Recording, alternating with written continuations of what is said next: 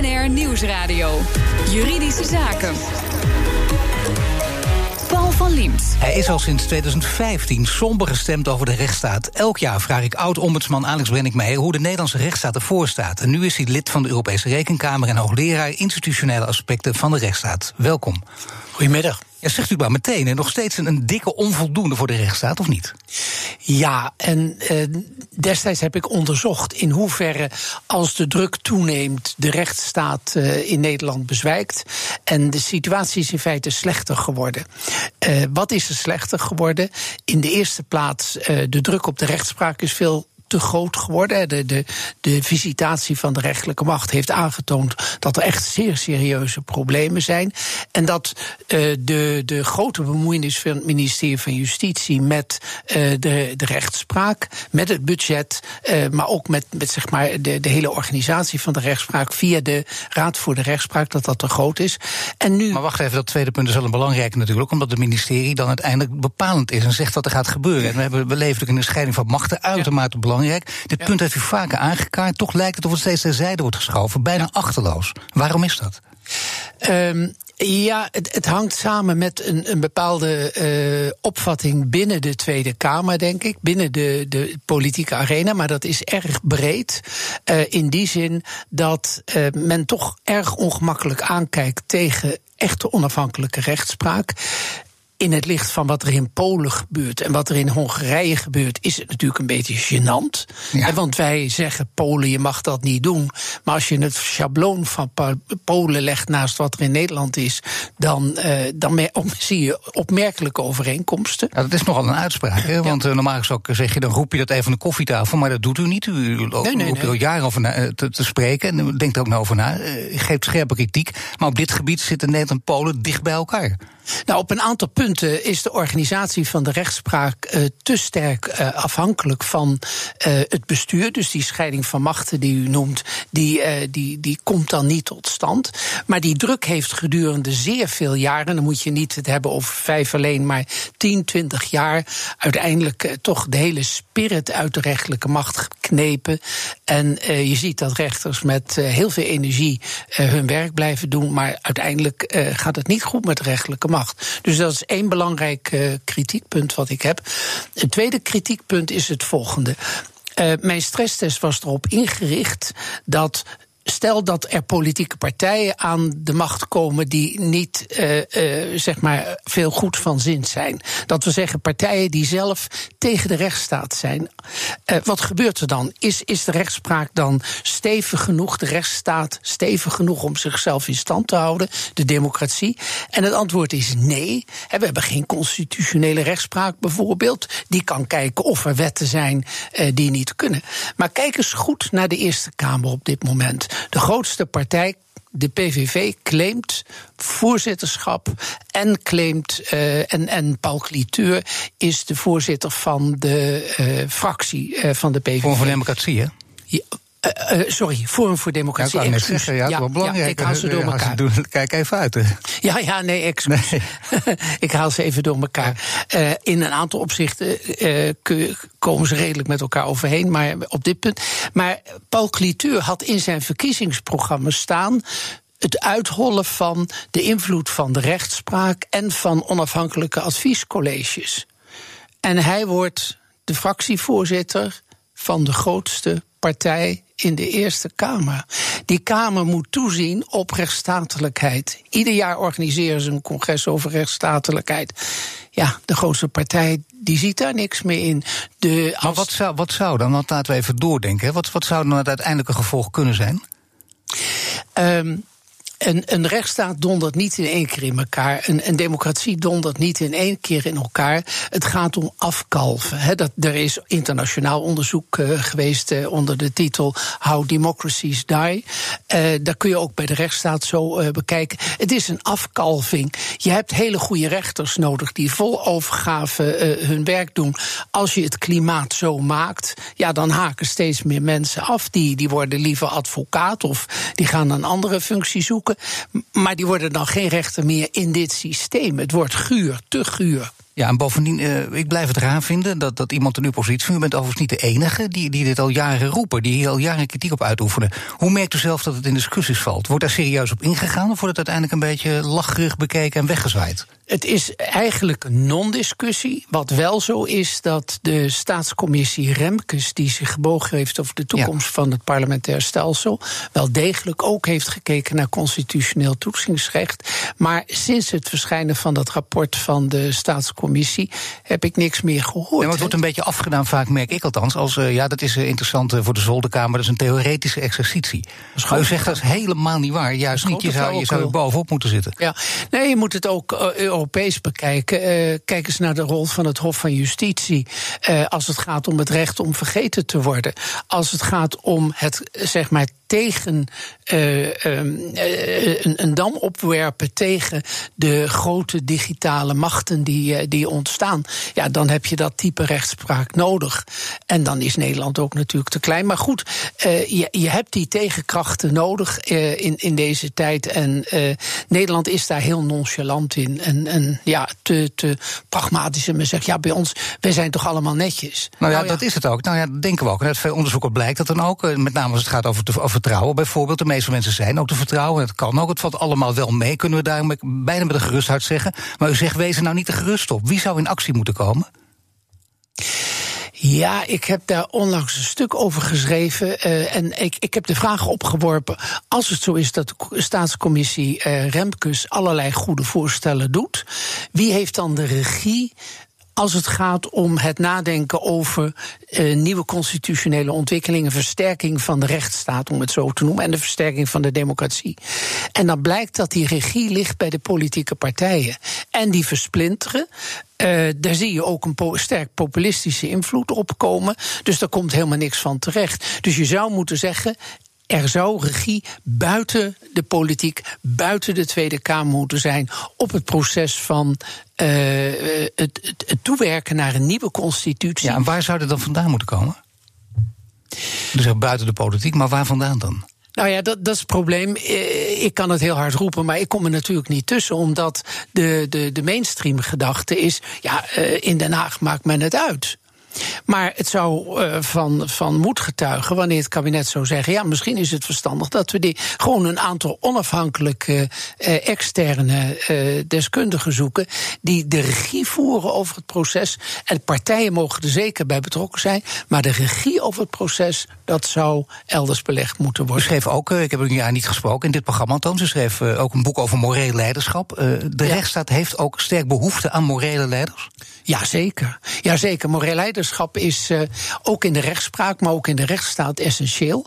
Um, het, het, kijk, eh, de, de, kern van, van rechtsstaat is natuurlijk tegenspraak. Het durven tegenspreken op een gegeven ogenblik, ook als het ongemakkelijk is, uh, je uit te durven spreken en argumenten te durven noemen uh, die eigenlijk vaak verzwegen worden of niet eens. Maar je zou het als moreel leider bijvoorbeeld ook een, een andere partij niet meteen als populist moeten neerzetten. Want dan, dan kun je geen inhoudelijke discussie meer voeren. Nou, ik ben daar vrij scherp in. In die zin, uh, volgens uh, de discussie rond uh, burgemeester Kaan van Londen. Die heeft gezegd: Trump verdient geen rode loper, want hij bedreigt de rechtsstaat, hij bedreigt de democratie, hij bedreigt de onafhankelijke media enzovoorts. En zegt Trump: Je bent een ijskoude loser.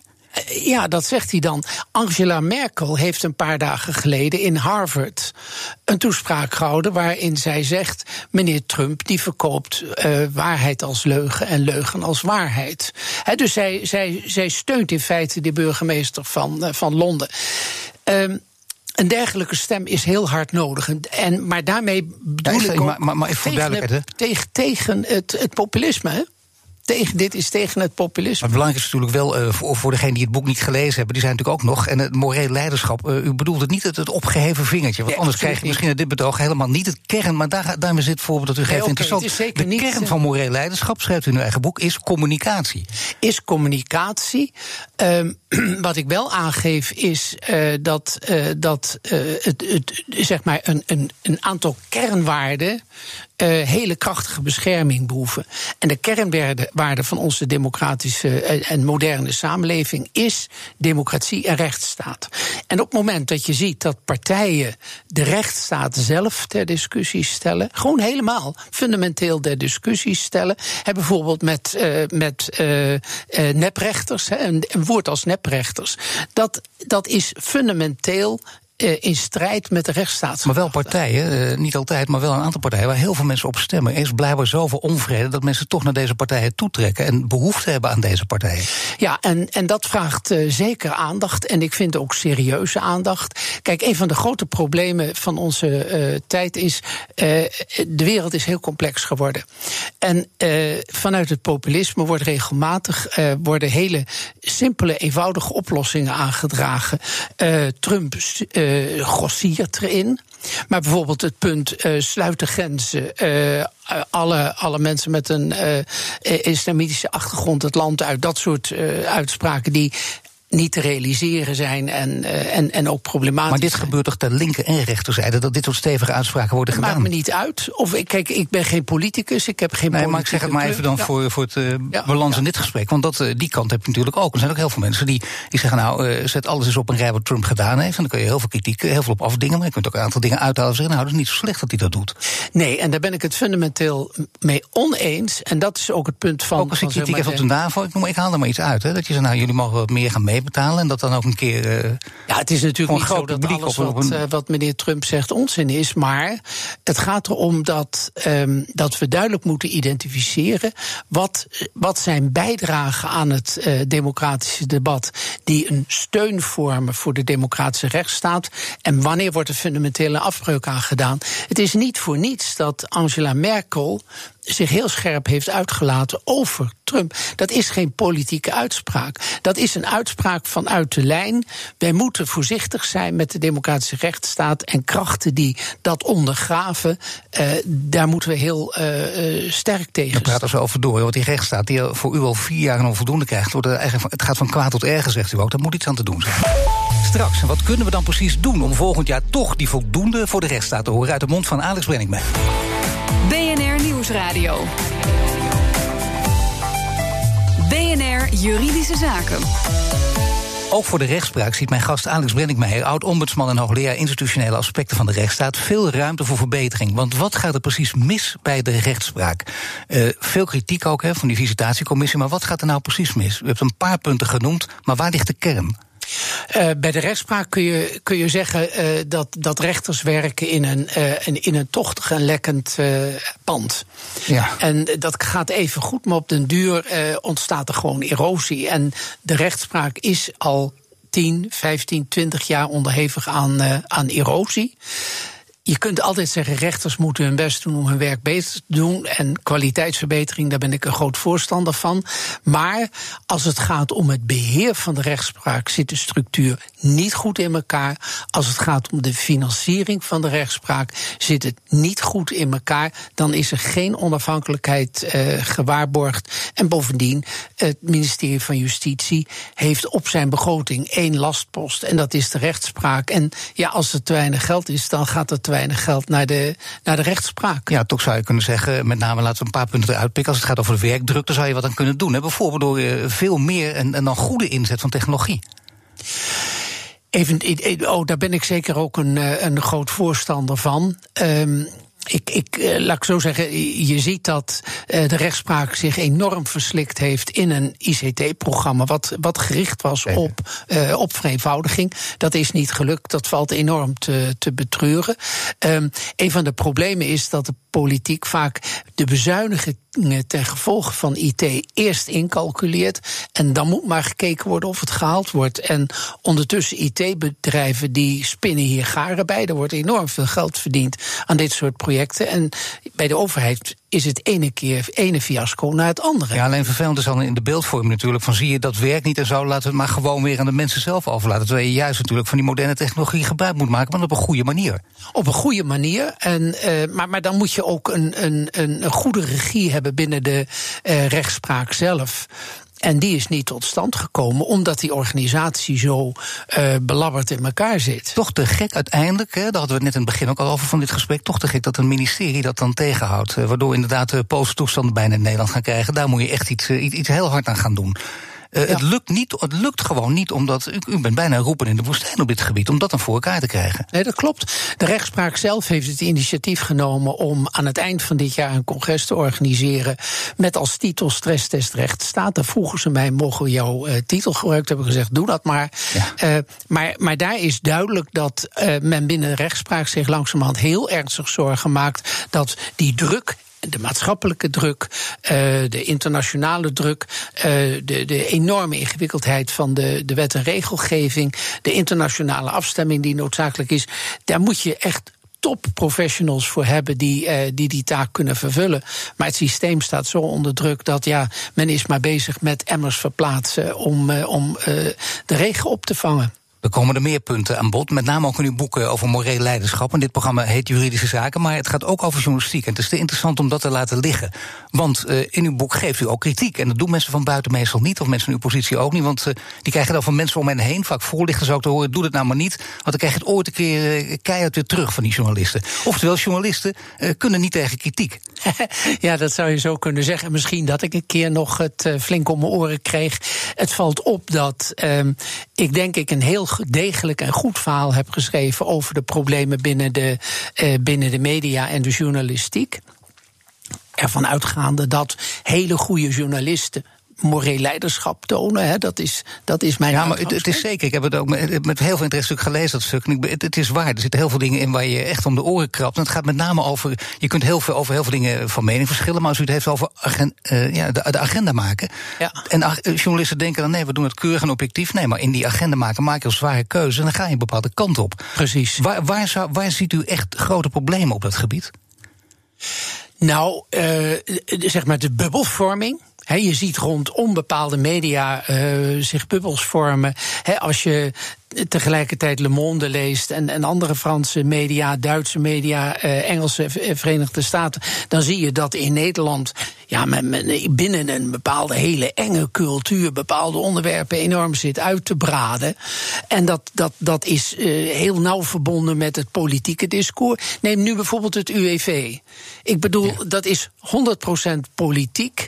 Um, en, uh, en, en de indruk ontstaat alsof het UWV een, een ramporganisatie is. Maar je maakt vanzelf het helemaal kapot. Er blijft niks meer over, hè? Ja. Als je op deze manier nou ja. Ik, en, en, ik kan misschien, ik, ik durf het bijna niet te zeggen, want dan zou ik ook er een journalist zijn die niet tegen kritiek kan. Maar ik zie dat natuurlijk in Frankrijk en Duitsland op andere gebieden ook al eens misgaan ja. en gebeuren. Alsof dat dan, ik weet niet of dat dan echt het, het nou, nee, maar het gaat mij met name erom, uh, er, er, zijn van die bubbelonderwerpen. Ja. En die zitten ook in opinieprogramma's. Dat vind ik heel sterk, dat rondom uh, die, die talkprogramma's. Uh, ja, er zijn bepaalde onderwerpen die zijn in. En heel veel onderwerpen zijn helemaal niet in. Ik bedoel, dus... uh, alle talkshows, de kletsende klasse. Ja, zoiets. Ja, nee, zeker. Ja. Dat, ja, daar zit, ja, nee, daar is, zit ja. een bepaalde cultuur achter. En ik zit nu wat meer op afstand. Ik zit nu al uh, vijf jaar in, uh, in Luxemburg. Dus ik, ik bekijk het wel, maar ik zit wel op een afstand. En dan denk ik van jongens, het is allemaal wel heel erg klef. Zou het wat losser kunnen? En zeker losser van de politiek natuurlijk. Dus wat nodig is, is moreel leiderschap. Om het dan wat breder te maken dan alleen de talkshow. Moreel leiderschap, zei u in de journalistiek. Wat bedoelt u daar precies mee? Met uh, moreel leiderschap uh, in, in, in verbinding met de journalistiek bedoel ik uh, dat je veel meer een dialoog moet aangaan. Dat we zeggen, autoritaire journalistiek in de zin dat de journalist zegt: ik ga me daar nu mee bezighouden. Ik stel de vragen, ik laat weg wat geantwoord is wat mij niet interesseert. Je selecteert. Dat is een, een, een, een geldige journalistieke methode. Dat leidt tot een, een bepaalde vorm van beschrijving van de werkelijkheid die redelijk eenzijdig is. Altijd negatief, alleen maar het negatieve. Onderwerpen waarvan je kunt zeggen 98% gaat goed, maar je die 2% krijgt alleen maar aandacht. Dat klopt natuurlijk niet. En daardoor hebben heel veel mensen in onze samenleving het idee: het is één grote puinhoop, terwijl ons openbaar bestuur is een van de beste van de wereld. De prestaties van ons openbaar bestuur, een van de beste van de wereld. De Nederlandse burgers zijn de gelukkigste van de wereld. Ja, er is toch iets niet in orde. Ja, ja ik zou weer veel langer met u willen praten. Dat ja. kan helaas niet. Gelukkig is het wel een live gesprek, dus uh, we kunnen niks knippen wat ons onwelgevallen is. Ik dank u hartelijk. Alex Brenningmeijer, lid van de Europese Rekenkamer. BNR Nieuwsradio. BNR Juridische Zaken. De overheid maakt op grote schaal gebruik van algoritmes om fraude en criminaliteit op te sporen. Voor de maandelijkse rubriek Future of Workers hier arbeidsrechtadvocaat Katje van Kranenburg van advocatenkantoor CMS. Welkom. Dank je. Ja, goed dat de overheid gebruik maakt van deze technologische mogelijkheid. Uh, ja, ja, maar het wordt nu, om even dat bruggetje te slaan naar dat bepaalde onderwerpen heel erg worden gehyped. Het wordt nu de laatste tijd ongelooflijk in een bepaald daglicht gezet. Alsof de overheid op een hele onbetrouwbare manier gebruik maakt van algoritmes. En wij niet kunnen vertrouwen op de besluiten die daaruit voortvloeien. Dus ja, dat rapport van de NOS heb ik gelezen, wat zij gewopt hebben. Er worden algoritmes gebruikt, maar het is denk ik goed om de hype van de realiteit te scheiden. En wat is de realiteit? Nou, de realiteit is dat uh, er al veel langer natuurlijk door allerlei instanties, zowel vanuit de overheid als private partijen, algoritmes worden gebruikt. Maar we hebben in Nederland een heel mooi wettelijk kader, de AVG, dat bepaalt op wat voor manier leggen we verantwoording af. Als Algemene verordening gegevensbescherming in lelijk Engels precies, GDPR. GDPR ja. in het uh, Engels. Dat geeft al heel veel handvatten hoe je met algoritmes om kan gaan als het gaat om persoonsgegevens, als het gaat om geautomatiseerde besluitvorming. Stel, jij vraagt een lening aan en de computer zegt nee, dan moet jij van tevoren weten, is er een persoon aan uh, tussen gekomen of niet? Wat, wat, wat, is de transparantie van zo'n algoritme? Dus ik vind dat AI de laatste weken althans weer erg wordt gehyped in een bijna in een negatief hoekje. Ja, altijd weer de privacy is in het geding, dat hangt er meteen aan vast. Eigenlijk zonder nadenken wordt er meteen aan vastgeplakt. Dat zou ja. je hier dus niet moeten doen. Er moet altijd scherp op zijn, uiteraard, vinden we allemaal, maar dat is niet nodig nu. Nou, je moet op een betrouwbare manier omgaan met algoritmes. Dus het moet transparant zijn, het moet herleidbaar zijn. Je moet als persoon op wie een algoritme wordt toegepast weten dat dat inderdaad gedaan is en wat het voor impact voor jou heeft. En het zou mooi zijn, want ik zag vandaag dat er een oproep is voor het inzetten van een parlementaire onderzoekscommissie naar digitalisering. Dus de politiek wil meer grip hebben op digitalisering. En het zou mooi zijn als we in Nederland een nog krachtigere visie uh, hebben op het, uh, rondom het thema van AI. Je ziet, Frankrijk heeft dat al. Hè? Die hebben dat heel nadrukkelijk uitgesproken. AI for Humanity. Ja, artificial intelligence, kunstmatige intelligentie, daar hebben we het over. Maar er komt toch hier een speciale AI-coalitie? Ja, er uh, is een nationale AI-coalitie die komt nu tot stand. Maar is dat, over, is dat naar Frans voorbeeld of niet? Of is dat, hebben we dat zelf Nee, bedacht? nou, dat hebben we in die zin zelf bedacht. Je ziet dat allerlei overheden dat natuurlijk al doen... en allerlei publieke en private partijen met elkaar gaan zitten... om over dat thema te spreken. Dat is in Nederland niet anders. Dat is al jaren eigenlijk uh, zo. En die Nationale AI-coalitie die staat voor een aantal ontwikkelingen, namelijk human capital. Hoe zorgen we dat mensen zijn geschoold, ontwikkeld met AI kunnen omgaan? Hoe zorgen we voor transparante, betrouwbare AI. En het liefst zouden we natuurlijk hier zien dat je een mooie wetenschappelijke hub hebt waar mensen over de hele wereld naartoe komen om ook op een betrouwbare manier te experimenteren met Waarom AI. zou dat niet uiteindelijk kunnen gebeuren? Dat kan zeker gebeuren. Daar maakt die nationale AI-coalitie zich ook sterk voor. Wie, zit, wie zit er daarin in die coalitie? Uh, publieke en private partijen, daar zitten ministeries in, uh, EZK, BZK, OZW, maar er zitten ook uh, private partijen, maar ook een organisatie als FME zit daar uh, heel actief in. Uh, allerlei uh, wetenschappers van de UvA. Hele brede vertegenwoordiging. Maar we horen altijd in alle verhalen met wie je ook praat. Met mm -hmm. alle Alex van de wereld bijvoorbeeld ook. Die zeggen ook altijd, maar het is wel belangrijk, wie heeft dan de regie?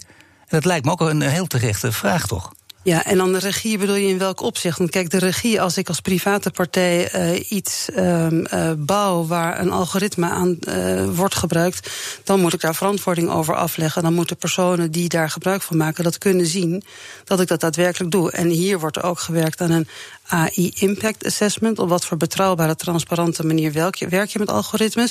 En een heel belangrijk onderdeel van de Nationale Coalitie is dat je de burger betrekt. Want we kunnen natuurlijk met elkaar allemaal hele mooie dingen bedenken. Maar de burger moet ook vertrouwd raken met artificial intelligence en met het gebruik daarvan. En je moet de dialoog aangaan met allerlei stakeholders om tot de beste oplossing te komen met elkaar. Nou, we hebben maar vier minuten gesproken, maar toch een beetje geprobeerd hype van realiteit uh, in ieder geval uh, uit elkaar te houden. Dank je. is gelukt, hè? Ja. Tot nu toe wel. Hou ik meteen op. Dankjewel, Katje van Kranenburg van advocatenkantoor CMS. En heeft u ook een juridische vraag? Mail hem naar juridischezaken.bnr.nl. Dit was de uitzending voor vandaag. U kunt de show terugluisteren via de site, de app, iTunes of Spotify. Mijn naam is Paul van Diemt. Tot de volgende zitting.